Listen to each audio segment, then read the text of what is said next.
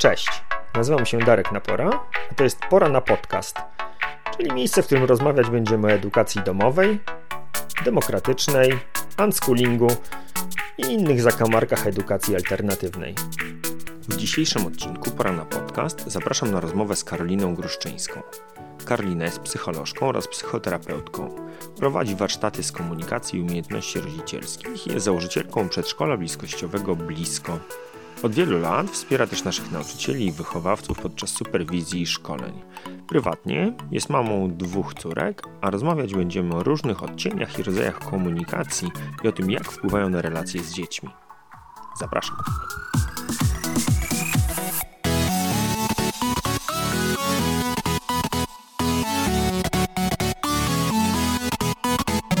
To jest pytanie, e, które zaczyna każdą rozmowę, mianowicie, co w tobie żywe? Co we mnie żywe?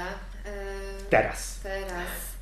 Wiesz co, jestem jeszcze jakoś przy yy, sesjach z pacjentami, które miałam do tej pory, bo tak tutaj wspomnę dla naszych słuchaczy, yy, że Darek przyjechałeś do mnie tuż po mojej takiej typowym popołudniu w gabinecie, więc jeszcze jestem gdzieś w takich, wiesz, uczuciach z tych sesji jakieś tam też we mnie poporuszały różne rzeczy i tak jak Ci mówiłam, że potrzebuję chwilę na takie, wiesz, uziemienie się, no to jestem chyba w takim procesie jeszcze tego uziemiania się, takiego mm. puszczania tego, co tam się ważnego powydarzało w gabinecie i takiego, wiesz, bycia z Tobą. W takiej radości, że Cię widzę, zawsze się cieszę, jak Cię widzę. E, no, więc jestem jakoś w tym Likewise, ja też strasznie się cieszę, że Cię widzę. Strasznie żałuję, że się nie da być koleżanką i terapeutką na raz, bo tak to by nam było sporo łatwiej pozałatwiać te rzeczy, a tak to się widzimy mm, raz na ruski e, rok. No dobra, e, ja, to jest jeszcze w ogóle dla mnie nie, mega fascynujący temat, jak psycholog może w ogóle przemielić te wszystkie rzeczy, które słyszy w ciągu dnia i nie oszaleć e. Może kiedyś o tym poopowiadasz, jak sobie z tym radzisz ale pretekstem do tego spotkania dzisiaj jest no trochę to szkolenie, które zaczęłaś dla rodziców o, o komunikacji w rodzinie, trochę też badanie które ja niedawno dowiedziałem się, że w ogóle powstało i, i, wyniki były dla mnie po prostu obuchem w łeb o tym, że 13% Polaków, e, którzy są rodzicami e, przynajmniej jednego dziecka, mhm. jest niezadowolonych z tego faktu, że zostało rodzicami. No i tak sobie... 13? 13%, no, czyli... Sporo. Tak, trochę więcej niż co dziesiąta osoba, która jest rodzicem, wolałaby nie być rodzicem. I co prawda autor, y, poczekaj, ja zawsze zapominam jak się ten typ nazywa, on jest y, pan doktor Konrad Piotrowski. On mhm. używa w ogóle określenia, które mi nie bardzo pasuje, posiadania dzieci. Aha. E, ja się będę trzymał tego bycia rodzicem. Okay. Ale, ale tak, no to jest takie trochę e, poruszające. No i pomyślałem sobie, że skoro ty jesteś ekspertką, psycholożką i jeszcze robisz szkolenie o komunikacji, to może by to jakoś skleić wszystko do kupy i pozastanawiać się nad tym, o czym to jest ta komunikacja w rodzinie, jak to jest z byciem rodzicem i co tam się w tym zmienia. No i na początek mam do Ciebie pytanie, mało dyskretne, bo psycholog. Aha, pewnie się dokładnie nie powinien takimi dzielić rzeczami, ale no. zacznijmy od Ciebie. Zdarza Ci się kłócić z mężem? E, wiesz co, no, mojemu mężowi zdarza się kłócić ze mną. Okay. Nie, śmieję się. Tak. Bardzo sprytna retoryka. tak, zdarza mi się. Nie, jakby tak sobie, no, wiesz, e, nie, nie często, jak o tym myślę. Nie wiem, czym jest często. No właśnie, od razu miałem pytać, no, co to znaczy to często się kłócić? Nie, nie, kłócę się, tak, kłócę mhm. się z mężem. No dobra. A co to jest kłótnia? Jak u Was wygląda kłótnia? E, co to jest kłótnia? Może tak. E, okay. Jeszcze mąż nie autoryzuje naszego tutaj spotkania i będzie, mhm. wiesz, kiepsko. Ale ja to wyślę do autoryzacji, tak, o, że będziesz mogła mężowi dać do posłuchania. E, jak coś mi się nie spodoba, będziemy wywalać. Wytniemy. Dobra, dobra.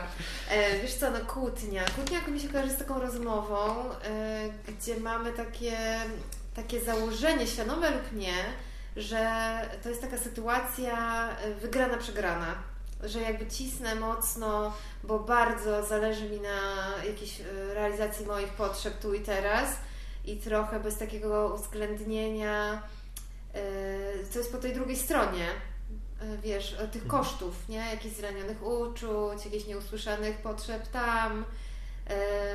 nie jest to intencjonalne często, wiesz, jakoś nie chcę tak piętnować tych kłótni, że jakoś to robimy po to, żeby komuś coś zrobić, ale że jednak jest to taka sytuacja, gdzie jesteśmy mocno przy swoim, no i nie widzimy, co jest po drugiej stronie. Mhm. No dobra, to we mnie to na maksa rezonuje. Ja y, nawet słyszałem coś takiego, że, to, że kłótnie to są zazwyczaj w obronie swojego ego, no nie? że coś tam na jakimś poziomie e, oceniasz siebie, że jak przyznasz tutaj rację, czy jak nie, o, nie, nie obronisz jakiegoś tam swojego pola, to to ciebie zrani czy, czy skrzywdzi. Aha. Mm, nie wiem, czy to, to, to masz na myśli. Wiesz co, myślę, że między innymi to. Ja nie myślałam tak o tym wcześniej, ale jak mówisz o tym, że to jest e, atakuje, żeby obronić coś ważnego swojego, to w ogóle myślę, że kłócimy się wtedy, kiedy jest coś ważnego na stole. To jest już taki arsenał, gdzie się ranimy, obrażamy, rozstajemy. Jakaś jest wysoka stawka. Nie wiem, hmm. czy to jest ego, czy to jest... Ale czuję bardzo, że o podnóżu jest coś ważnego i że to też jest o takim bezpieczeństwie, że jak nie mhm. zaatakuję, to ja stracę, to moje jest y, jakoś, wiesz, w ogniu. No, hmm. że to mi rezonuje, ale że to jest nie tylko to, że to jakby różne rzeczy nas wrzucają w ten stan kłótni. Mhm. Okej. Okay. Różne rzeczy to dla mnie jest za bardzo ogólnie, żeby tak po prostu sobie przejść dalej. W sensie jakie? No, jak masz doświadczenie pracując i z parami, i z rodzicami, i z osobami, które po prostu tutaj do ciebie przychodzą indywidualnie, to jakie rzeczy y, mhm. generują te, te konfliktowe sytuacje, które potem z kolei powodują kłótnie, które znowuż doprowadzają do tych całych eskalacji, o których opowiadałaś, z rozstaniem włącznie. No, też czuję, że to jest taki błędny krąg, nie? Że no. to jakby jest jedno wychodzi z drugiego. O rany, wiesz co, mnóstwo rzeczy. Myślę sobie o takich podstawowych rzeczach, jak mówimy o rodzicach, e, jak mamy mało zasobów, takich czysto jakichś fizjologiczno-fizycznych. Wiesz, jesteśmy e, wiecznie w niedoczasie, głodni, zmęczeni, z taką deprywacją jakichś naszych potrzeb i wtedy jakaś, wiesz, iskra, jakiś trigger powoduje, mm. że my bardzo szybko odpalamy taki stan, albo zawalczę, albo w ogóle zginę, jak to, ta sytuacja będzie trwać dłużej, nie? I to jest na przykład takie podłoże kłótni. Mm -hmm. Myślę sobie też o takich sytuacjach, jakie mamy schematy z domu, jak nas nauczono rozwiązywać e, trudne sytuacje. Nie? Trochę co mhm. mieliśmy modelowane, E, gdy ktoś mówi ci coś trudnego, nie, no to nie daj sobie w kaszę dmuchać, albo będzie po twojemu, albo będziesz gdzieś tam, wiesz, e, w samych nizinach, lepiej ustąp, bo coś tam innego, nie, że jakby mamy takie różne rzeczy w przekonaniach wyniesione z domu, które nam się odpalają jako taki automat. Bo kłótnie ja w ogóle widzę trochę, wiesz, jak takie reagowanie z automatu właśnie w walce o to, co ważne na tu i teraz, a nie na takie, jakby to zrobić, żeby tutaj się jak najbardziej pokłócić i uzyskać to, co jest dla mnie ważne, e, idąc po trupach i nie zważając, co jest ważne po drugiej stronie. No nie, to tak nie czujesz, co? Zazwyczaj jest, tak nie? pewnie nie jest. No, no. Pewnie zdarzają się jacyś dewianci, którzy za cel sobie ustalają, żeby krzywdzić ludzi po drodze i po prostu im to sprawia radość, ale to, to na pewno będą jakieś pojedyncze jednostki. Ale to, co powiedział, bo tak, ta pierwsza rzecz, o której wspomniałaś, no. to, to wchodzi w ten klimat self-regu i tam piramidy potrzeb i, i takiego no. obserwowania siebie, że wszystko, co robimy, wymaga zasobów energii i jak nam ich brakuje, no to, to się dzieją rzeczy trochę poza naszą tak, kontrolą no. i, i jak jesteśmy niewyregulowani, to robią się trochę same i z automatu. Mhm. Więc tutaj do tego nie mam komentarzy i gdzieś tam już by, gadałem o self-regu sporo, ale ta druga rzecz była dla mnie ciekawa, no. bo powiedziałaś o tych automatyzmach, które się pojawiają mhm. i że one wynikają z jakichś takich ugruntowanych przekonań o czymś tam. No tylko jak o nich opowiadałaś, to miałem wrażenie, że mówisz głównie o takich rzeczach, które były nie, na zasadzie jakichś takich deklaracji czy, czy mądrości życiowych mhm. przekazywane nam przez rodziców, rodzinę, otoczenie. No, no. A mi się wydaje, że to jest trochę bardziej na takiej zasadzie, że obserwujemy jakieś zachowania czy jakieś sposoby zachowań i to tak trochę, nie wiem, wsobnie y, przyjmujemy jako ten modus operandi czy, czy sposób mhm. działania nie na takim uświadomionym tak. poziomie, że, że to jest coś, że tak mnie nauczyli, to ja tak teraz robię, tak, tylko tak. No tak po prostu, żeśmy to -hmm. w cudzysłowie wyssali z mlekiem matki, bo tak rodzice robili, bo tak ludzie w naszym otoczeniu robili. Nie wiem, jak Ty no, to widzisz. Tak, wiesz co, jak ja rozmawiam z moimi pacjentami o przekonaniach, które oni mają z domu, i oni właśnie takimi cytatami mówią, mhm. właśnie no na przykład nie daj sobie w kaszę dmuchać, to to często jest tak, że tak naprawdę nikt tego do nich nie powiedział wprost, nie? Mhm. Oni sobie tak nazwali to, do czego jakoś byli zachęcani w dzieciństwie, co obserwowali między rodzicami a innymi ludźmi, z którymi oni byli w relacjach, nie? Więc tak myślę, że masz dobrą intuicję tutaj, że to jest właśnie o tym, co my obserwujemy, ale my zawsze sobie też to jakby w głowie nazywamy. Mhm. Nie? Że mamy obserwacje, mamy jakieś nieuchwytne zjawisko, a żeby sobie to jakoś wpadło w jakieś odpowiednie miejsce u nas, jak się tworzy jakoś nasza osobowość, nasze takie schematy, w których my funkcjonujemy, które są nam potrzebne, nie? Bo one jakby upraszczają życie, jakby mhm. sprawiają, mhm. że jest bardziej przewidywalne, no to my sobie to nazywamy. Takie motta, to się nazywa przekazy rodzinne, no to mhm. one właśnie są takimi... E, takimi cytatami, takimi właśnie, wiesz, powiedzeniami często nazywane, bo jakoś tak to nam działa, nie? Mhm. Łatwo sobie to przekształcamy potem na działanie. Hmm. Ciekawe, jakoś tak nigdy tego w ten sposób nie widziałem, ale być może rzeczywiście tak jest, że, że no, takie mamy różne mądrość mamy, ludowa. różne od taty, bo to mhm. czasem jest tak, że to jakby nie jest, no, zazwyczaj tak jest, że dostajemy taki, wiesz, pakiet od ważnych osób z naszego życia, e, kiedy byliśmy mali mhm. Czasem sprzeczne ze sobą, czasem w tym samym klimacie, ale coś sobie bierzemy i od jednego i od drugiego i potem sobie można zobaczyć, jak nam to w życiu pracuje.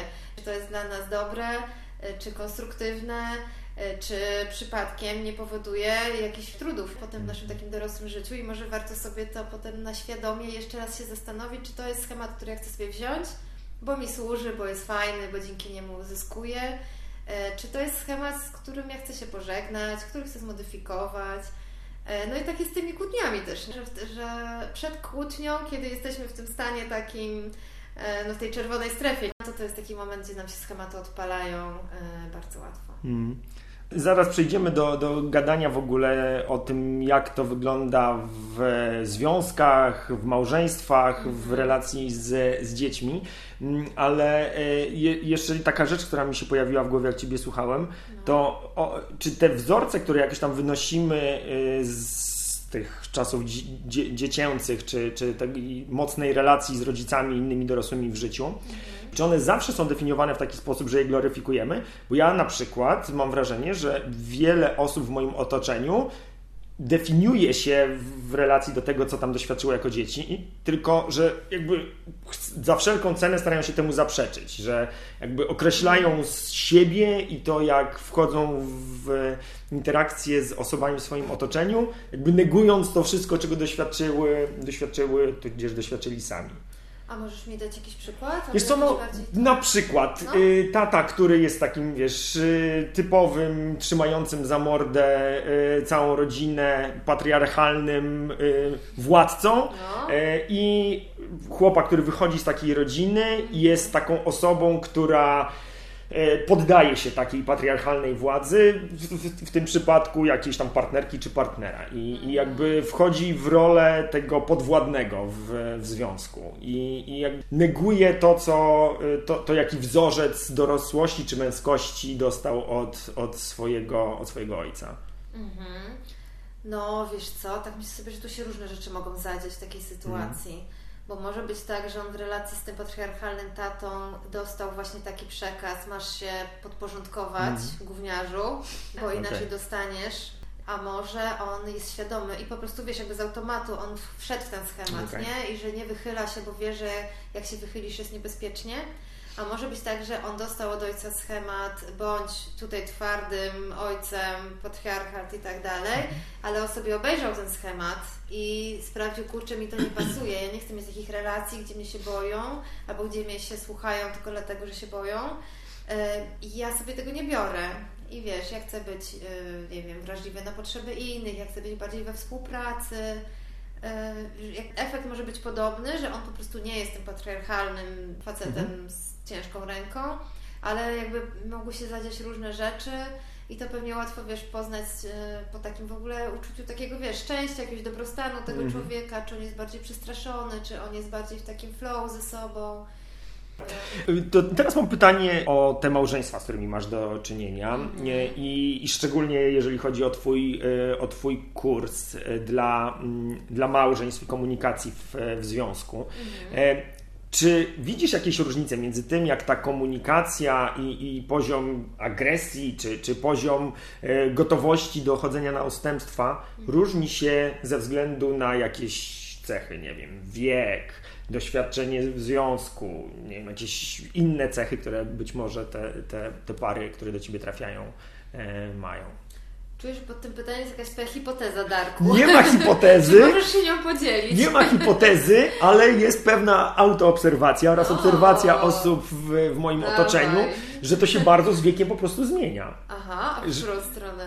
No, w taką stronę, że młode małżeństwa mam takie, taką obserwację, tudzież e, przekonanie, a propos, Aha. mm, mają tendencję do tego, żeby łatwiej i szybciej e, tworzyć sytuacje, w których dochodzi do wejścia w czerwoną e, strefę i, i nawet to, co zrobimy dzisiaj na obiad potrafi być e, punktem zapalnym do, do kłótni i konfliktu. Zaś w związkach z, z, wię- z większym stażem o takie kłótnie trudniej. No i ciekaw jestem, jaka Twoja jest opinia. Czy obserwujesz coś takiego i jeśli tak, to jakie są tego przyczyny? Wiesz co, no te moje, moje dane są takimi czysto anegdotycznymi, nie? Więc to jakby nie czytałam żadnych badań na ten temat. E, Jak tak sobie myślę, tak wiesz, tak na, na to, co wiem i na jakieś doświadczenie, które już mam, to że coś w tym jest, e, że rzeczywiście może tak być. Jak myślę dlaczego, e, to jakby mam takie dwa wnioski. Jeden wesoły, drugi smutny. E, Wesoły jest taki, że w tych parach, które mają większy staż, jest po prostu wyższy poziom bezpieczeństwa e, i nie tak szybko im się ta czerwona strefa odpala. Za każdym mm, jakby trudnością nie stoi myśl e, zostanę sama, zostanę sam, zostawi mnie dla innej, dla innego. E, Już wiemy, że były różne rzeczy, nie zostawił, nie zostawiła. I ten wyższy, wiesz, poziom bezpieczeństwa, w ogóle takiego zaufania i też uwspólnionych wartości, takiego, że znamy swoje potrzeby i znamy strategię, jak je zaspokajać, że jakby to generuje, że rzeczywiście e, trudniej jest się nam pokłócić, nie? Że, że tutaj mamy, mamy taki duży jakiś e, zapas, jakąś taką odporność na to i, i wiele rzeczy już rozwiązujemy e, właśnie tymi automatycznymi schematami, które już funkcjonują po prostu w naszym związku. Nie? Wiemy, że zadziałały wcześniej, więc jak się pojawiała Tak. podobna sytuacja, to znowu się wchodzi w tą samą ścieżkę. Nie trzeba tego na nowo poszukiwać i, i odkrywać. Dokładnie. I nie, się- nie wywala to już nas na takie levele, wiesz, stresu, właśnie y, takiego poczucia, że jest jakoś niebezpiecznie, że jest groźnie, że to jest na ostrzu noża, tylko Mhm. już wiemy, że to jest jakiś taki nasz schemat, że on się domknie, że on teraz będzie wyglądał przez chwilę tak, a potem przejdzie w coś innego, Mhm. że to jakby myślę, że rzeczywiście taką energię nam oszczędza. Kiedy jesteśmy w takim życiu jeszcze, gdzie są dzieci, gdzie są obowiązki, gdzie jest mało czasu i potrzebujemy takich y, schematów do oszczę- oszczędzania energii, do takiego trybu niskoenergetycznego, no to to nam to funduje. E, A smutny mój wniosek, znaczy wniosek, taka myśl, wiesz, dlaczego to może Mhm. tak być, jest taka, że w tych małżeństwach czy w związkach w ogóle z długim stażem e, już się poorientowaliśmy, że tych potrzeb to z tą osobą ja i tak nie zaspokoję, więc co ja się będę kłócić? Kłóciłam się ileś lat i już wiem, że to nie są drzwi, do których należy pukać w tej sprawie. E, Więc ja odpuszczę, załatwię to sobie z kimś innym, wypłaczę się koleżance, pójdę na terapię, będę miała związek e, na boku. Wiesz, są różne Mhm. strategie na to uczucie, że mam niezaspokojone ważne potrzeby i już wiem, że w tym związku tego nie zrobię. Więc ja już o, o to się nie kłócę, tylko znalazłam inną strategię na zaspokojenie tych potrzeb. I ty jako psycholożka, co sądzisz o takim rozwiązaniu? Czy to jest tak, że to jest zdrowe i, i zachęcasz do tego, żeby szukać rozwiązania tych, e, tych potrzeb, in, czy zaspokajania tych potrzeb w innym miejscu? Czy jak spotykasz taką osobę w gabinecie, to zachęcasz do tego, żeby spróbować jeszcze raz tam zapukać, zajrzeć? E, Ja jestem daleka, wiesz, od oceniania tego. Mm, Mhm. Nawet się nie zastanawiam, wiesz, czy to jest dobre, czy to jest niedobre. Myślę sobie, że to jest najlepsze, co ta osoba na ten moment po prostu może zrobić. E, I być może ona nie jest gotowa na spróbowanie inaczej i zmierzenie się z konsekwencjami, jak to jest inaczej. I też mam takie zaufanie, że jak ona się będzie wiesz, wzmacniać na terapii, to jakoś sama znajdzie y, jakieś rozwiązanie dla siebie, sama zweryfikuje, czy jej to służy, czy nie służy sama jakoś, wiesz, doposaży się w jakieś zasoby, mhm. y, zwiększy się jej poczucie własnej wartości, że powie, kurczę, coś tu mi na przykład w tym związku nie leży, że ja to tak muszę gdzie indziej. A może ten związek zaspokaja świetnie inne potrzeby i jest bardzo ważny, a nie zaspokaja kolejnych i to można zaspokoić y, na rozmowie z przyjaciółką. I to też jest ok. Jakby tak trochę no nie, nie, oceniam tego. Myślę, że jakby wszyscy jakoś, wiesz, jesteśmy w jakimś swoim trudzie, w jakichś swoich różnych sytuacjach życiowych i wierzę, że to, co robimy, to jest najlepiej, jak na ten moment po prostu potrafimy. Spoko. No dobra, kilka razy wspomniałaś o tych potrzebach, które są w wiecznym niezaspokojeniu w różnych kawałkach i w różnych relacjach no to chyba najmocniejszym doświadczeniem, jakie może e, się przytrafić w związku jest e, rodzicielstwo. E, o, I, tak. I, wtedy nagle poziom zaspokojenia nawet tych najbardziej podstawowych potrzeb spada poniżej wszelkich znośnych dla człowieka poziomów, włącznie ze snem, potrzebą tak. odpoczynku, głodem, pragnieniem, no wszystko na totalnym deficycie.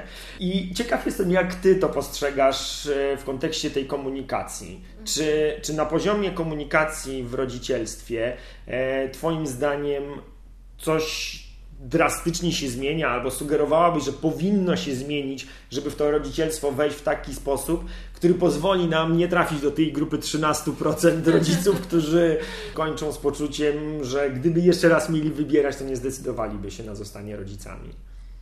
Hmm? Mhm. Choć oczywiście myślę, że to, czy jesteśmy w tej grupie, czy nie, to zależy od wielu, wielu innych jeszcze rzeczy niż tylko tego, jak się komunikujemy, jak jesteśmy szczęśliwi w związku. Bo uważam sobie, że można być bardzo szczęśliwym w związku, a nadal y, żałować, że się ma dzieci, albo dojść do wniosku, że w ogóle się nie chce mieć dzieci, jak się ich nie ma. Nie? Mm. To, y, żeby, no. żeby to nie gadać, ja się przygotowałem do naszej o, dzisiejszej rozmowy, dawaj. więc żeby nie być gołosłownym, mhm. to są y, korelacje bardziej niż, niż przyczyny, no ale na pewno coś tam mhm. można z tego dla siebie wyciągnąć, że tutaj pan Piotrowski używa określenia, które mi się bardzo nie podoba, posiadanie dzieci, ale rodzice żałujący posiadania dzieci mają za sobą traumatyczne dzieciństwo, doświadczenie przemocy, odrzucenia, wyższe nasilenie symptomów depresyjnych i lękowych, są bardziej wrażliwi na ocenę społeczną oraz doświadczają silnego wypalenia rodzicielskiego. No to, to chyba jednoznaczne.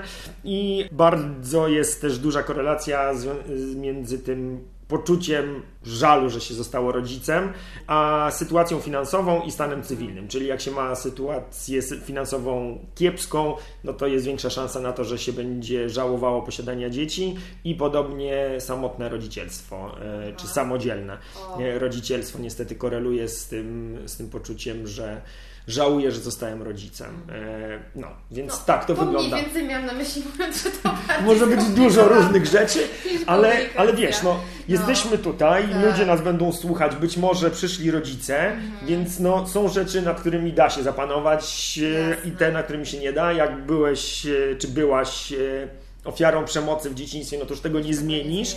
Natomiast można się jakoś próbować przygotować do tej roli rodzicielskiej i w mojej ocenie komunikacja i sposób komunikacji jest tutaj mega ważny. I ciekaw jestem, jak Ty to postrzegasz, bo może się ze mną nie zgadzasz. Mhm. Od razu mam taką ciekawość, wiesz, jakby co jest dla Ciebie ważne w tej, w tej komunikacji, żeby, żeby to też służyło potem byciu w tej trudnej roli. Ale tak, tak wracając, wiesz, co ja na to, no to yy, jasne, jasne, to jak się komunikujemy jako para ma ogromne znaczenie yy, w momencie, kiedy pojawiają się dzieci, no bo to jest po prostu jakby trudna sytuacja, więc mhm. jakby yy, jedna z trudnych sytuacji, która może się wydarzyć w naszym związku. Y, I wtedy to, jak my się wspieramy, jak my się słuchamy, E, jak my ze sobą jesteśmy, no ma ogromny wpływ na to, jak my przejdziemy przez ten, szczególnie to początkowe stadium, kiedy dzieci są małe i jak mówisz o tych potrzebach, które są takie niepozaspokajane, no to to trwa jakiś czas, kilka miesięcy, tudzież lat.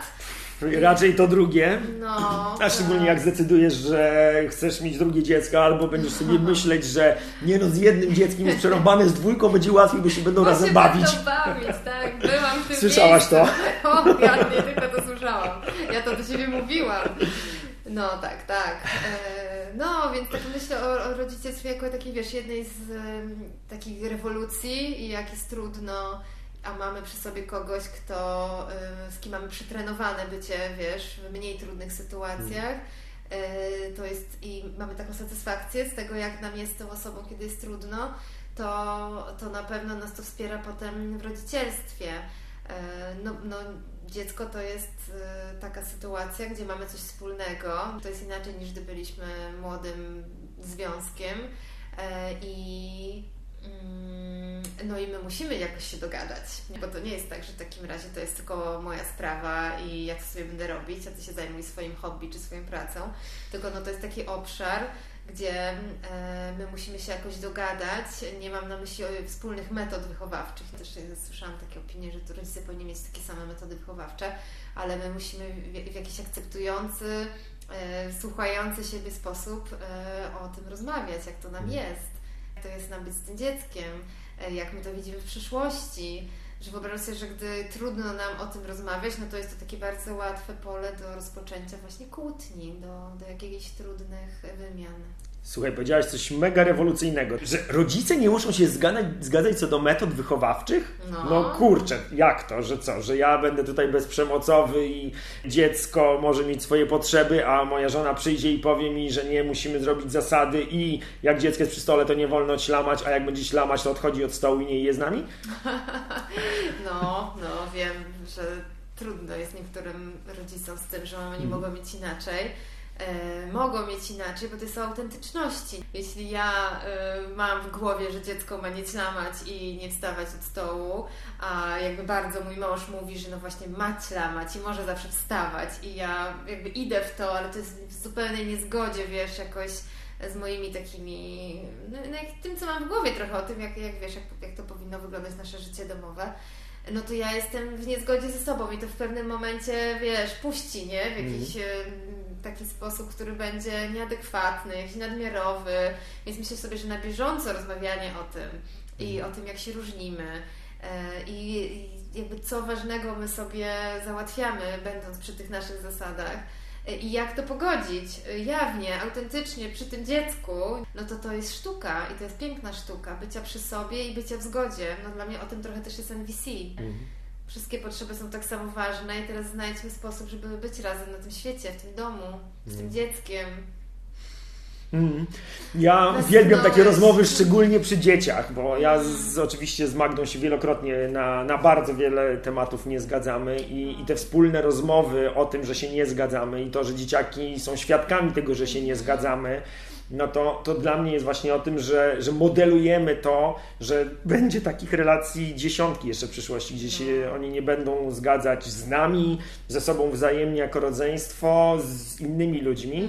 I, I to, jak my załatwiamy tę sytuację między sobą, kiedy się nie zgadzamy na jakiś temat, no to, to jest właśnie dla nich okazja do tego, żeby żeby zobaczyć, jak to robić w taki sposób, żeby nie krzywdzić innych ludzi w otoczeniu, szczególnie tych najbliższych, y, czyli, czyli rodziny. No bo zobacz, kiedy jest piękne, czego się uczy dziecko, które Was obserwuje w takiej sytuacji, że ja mogę y, mieć swoje zdanie, mogę być jakoś przy swoim, mogę o tym mówić, i to nie powoduje, że jest jakiś ogromny konflikt albo że muszę ustąpić, że nie wpędza dziecka w uległość albo walkę, mm. tylko możemy wszyscy być autentyczni, mówić, e, co w nas jest żywe i potem sprawdzać, jak my możemy się nadal w tym jednym miejscu być ze sobą szczęśliwi, w zgodzie, w uważności na swoje granice, w takim poszukiwaniu, mm. jakimś e, dostosowywaniu, dopasowywaniu. No to jest jakby ogromna umiejętność na życie. Mm. Myślę, że tak niewiele dzieci w ogóle, jak myślę o szkole, o domu, jak niewiele dzieci w ogóle dostaje taką szansę um, bycia przy sobie w takiej, wiesz, odwadze, w jawności, że ja mam tak i że to jest dla mnie okej, okay, że wy macie inaczej. Kurczę, no nie tylko dzieci, no come on, no wyrośliśmy w, takim, w takiej kulturze, w jakiej wyrośliśmy i ja myślę, że nawet niewielu dorosłych miało okazję doświadczyć na własnej skórze takiej sytuacji, gdzie funkcjonuje w jakiejś tam relacji z inną osobą, ta osoba mówi okej, okay, no ty myślisz inaczej, dla mnie to jest w porządku i to nie jest wyrzut i okej, okay, to, to już no. nie możemy dalej być razem i ze sobą rozmawiać, tylko, tylko dalej funkcjonujemy ze świadomością tego, że się, że się w tym konkretnym aspekcie różnimy. Także to nie tylko dzieciaki, tylko my też jako, jako, jako rodzice. Mhm. E, chyba jesteśmy pierwszym pokoleniem, które ma w ogóle okazję czegoś takiego doświadczać. No, mhm. że daje sobie do tego prawo, nie? Mhm. Żeby mieć inaczej, a pozostać w zgodzie i jak mówiłeś o tej y, autentyczności, to mi cały czas się pojawiało jeszcze y, do pary do tego y, słowo autonomia, bo, bo to, to też mi się jakby bardzo z tym łączy, że, że mamy taką sytuację, gdzie ja mam jakieś tam swoje ważne przekonania i w momencie, kiedy ja musiałbym je uwspólniać, choćby z tego powodu, że jestem rodzicem czy, czy jakiegoś dowolnego innego, e, to, to to by było skrzywdą dla mojego poczucia autonomii, która znowuż wiem, że dla wielu, wielu osób, które wchodzą w sytuację rodzicielską, jest mega obciążeniem, że, że nagle ich życie w takiej formie, jak wyglądało wcześniej, przestaje istnieć i, i oni czują, że tę autonomię tracą. E, nie wiem, czy ty, ty, ty też oglądasz takie sytuacje, gdzie, nie wiem, przychodzi stereotypowy tata, przepraszam, nie mogę odkleić się od tego, od, tego, e, od tego przykładu, który, wiesz, e, cztery razy w tygodniu trening do triatlonu, w sobotę impreza z kolegami i to jakby było tą częścią, która sprawiała, że ten człowiek był tym, kim jest, no nie? bo ma tam te pięć dni w tygodniu, 10 godzin na dobę kiedy chodzi do pracy i miał te swoje rzeczy, które były jego i stanowiły o tym, kim, kim on jest. No i nagle pojawia się dziecko i tego nie mam. Mhm. No wiesz, to jest dla mnie o wyborze. Mhm. Bo dlaczego ty tego nie masz? Jeżeli tak o tym pomyślimy, że nie mam tego przez to dziecko, e, to co czujesz, jak tak o tym myślisz? to nie ja, ja sobie doskonale ze swoimi rzeczami radzę. Ja Natomiast wiem, ale wiesz, tak ciekaw jestem... się, wiesz, w mhm. skórze takiego człowieka, co myśli, nie mam moich treningów, to przez to dziecko i teraz tego nie mam. Wiesz co, no trudno mi to sobie bardzo wyobrazić, bo to zupełnie to jest ja nie moje. to czuję. No to dawaj, to, opowiadaj. No. To nie jest moje, ale wiesz, jak sobie wyobrażam, że jestem takim ojcem, co chodzi i trenuje do triatlonu i teraz rodzi mu się dziecko i on rezygnuje z tych treningów i myśli sobie, no to przez to dziecko, nie? I czuję tak, czuję taką złość cholerne dziecko. Ja tutaj mogłem biegać moje triatlony, a teraz tu siedzę i bawię się książeczką kontrastową z trzymiesięcznym bobaskiem. O Jezu, pamiętam to. no, kto nie pamięta.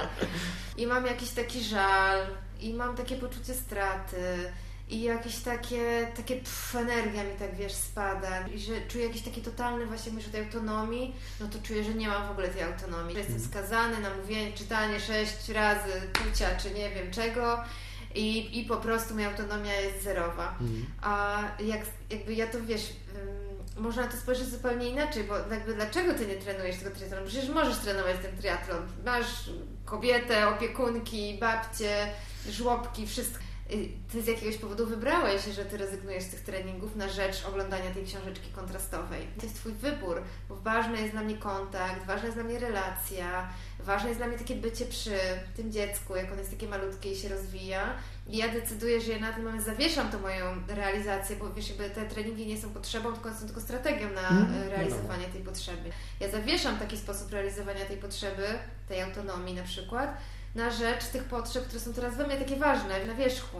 I tak myślę sobie, że dokonując tego wyboru w jakiś sposób tak naprawdę realizuję tą potrzebę autonomii, nie? Że ja chcę wybierać, co ja tutaj będę teraz robić.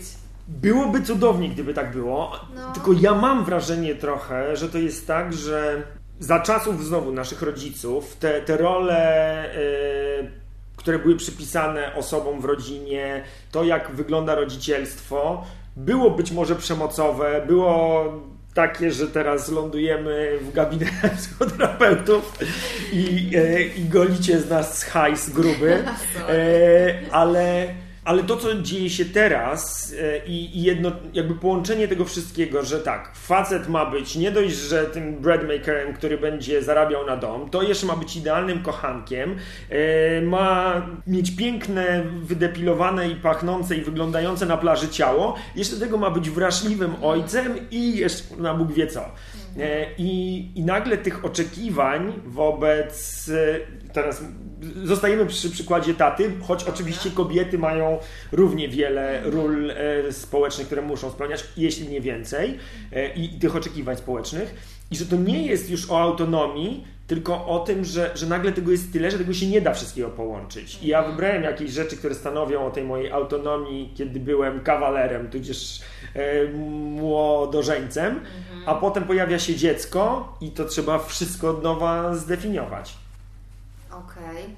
E, słyszę, jak mówisz o tym, że ci jest trudno z taką wielością tych, e, wiesz, takich nakazów, zakazów, tych ról, jak to powinno wyglądać, tych oczekiwań mówisz a ja jakby ja dalej słyszę, że to jest o wyborze, mm. który ja sobie wybieram. Y, jak ja chcę, czy ja chcę mieć wydepilowane ciało, czy ja chcę być matką pracującą i matką zajmującą się dziećmi i matką oczytaną we wszystkich nowoczesnych metodach.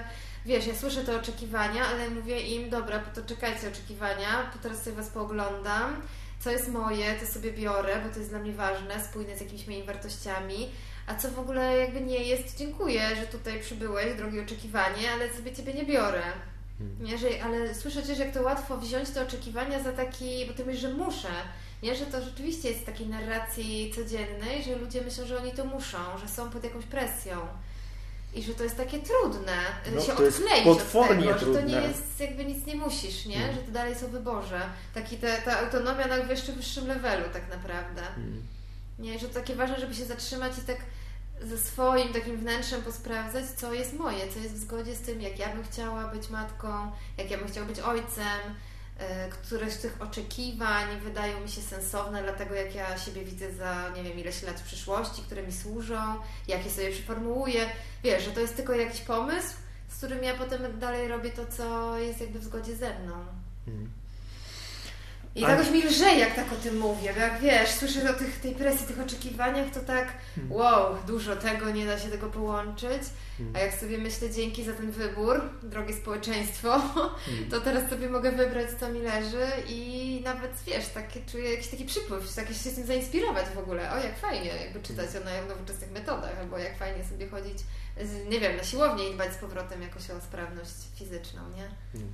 Ale to znowuż wymaga albo gigantycznych zasobów, albo gigantycznego wsparcia i niestety no to jest tak, że, że te trudne sytuacje oczywiście się pojawiają wtedy, kiedy tych zasobów brakuje i, i, i tego, i te, wtedy tego wsparcia myślę, że u osób takich jak Ty i, i Twój gabinet po prostu należy, należy wtedy szukać. I, I to teraz zawadzamy o ten temat, który, o którym Tobie wspomniałem, e, jak żeśmy się mieli spotkać e, kilka tygodni temu, czyli o tym, o tym proszeniu o pomoc. I mam nadzieję, że Cię namówię na, na kolejną rozmowę o proszeniu o pomoc i odmawianiu pomocy no, i co wtedy. Temat. No, Bo to będzie... Szeroki, szeroki. No. To rzeczywiście jest trochę na inną rozmowę, mam poczucie. No, no, dobra. Dzięki, Daniel. Dzięki.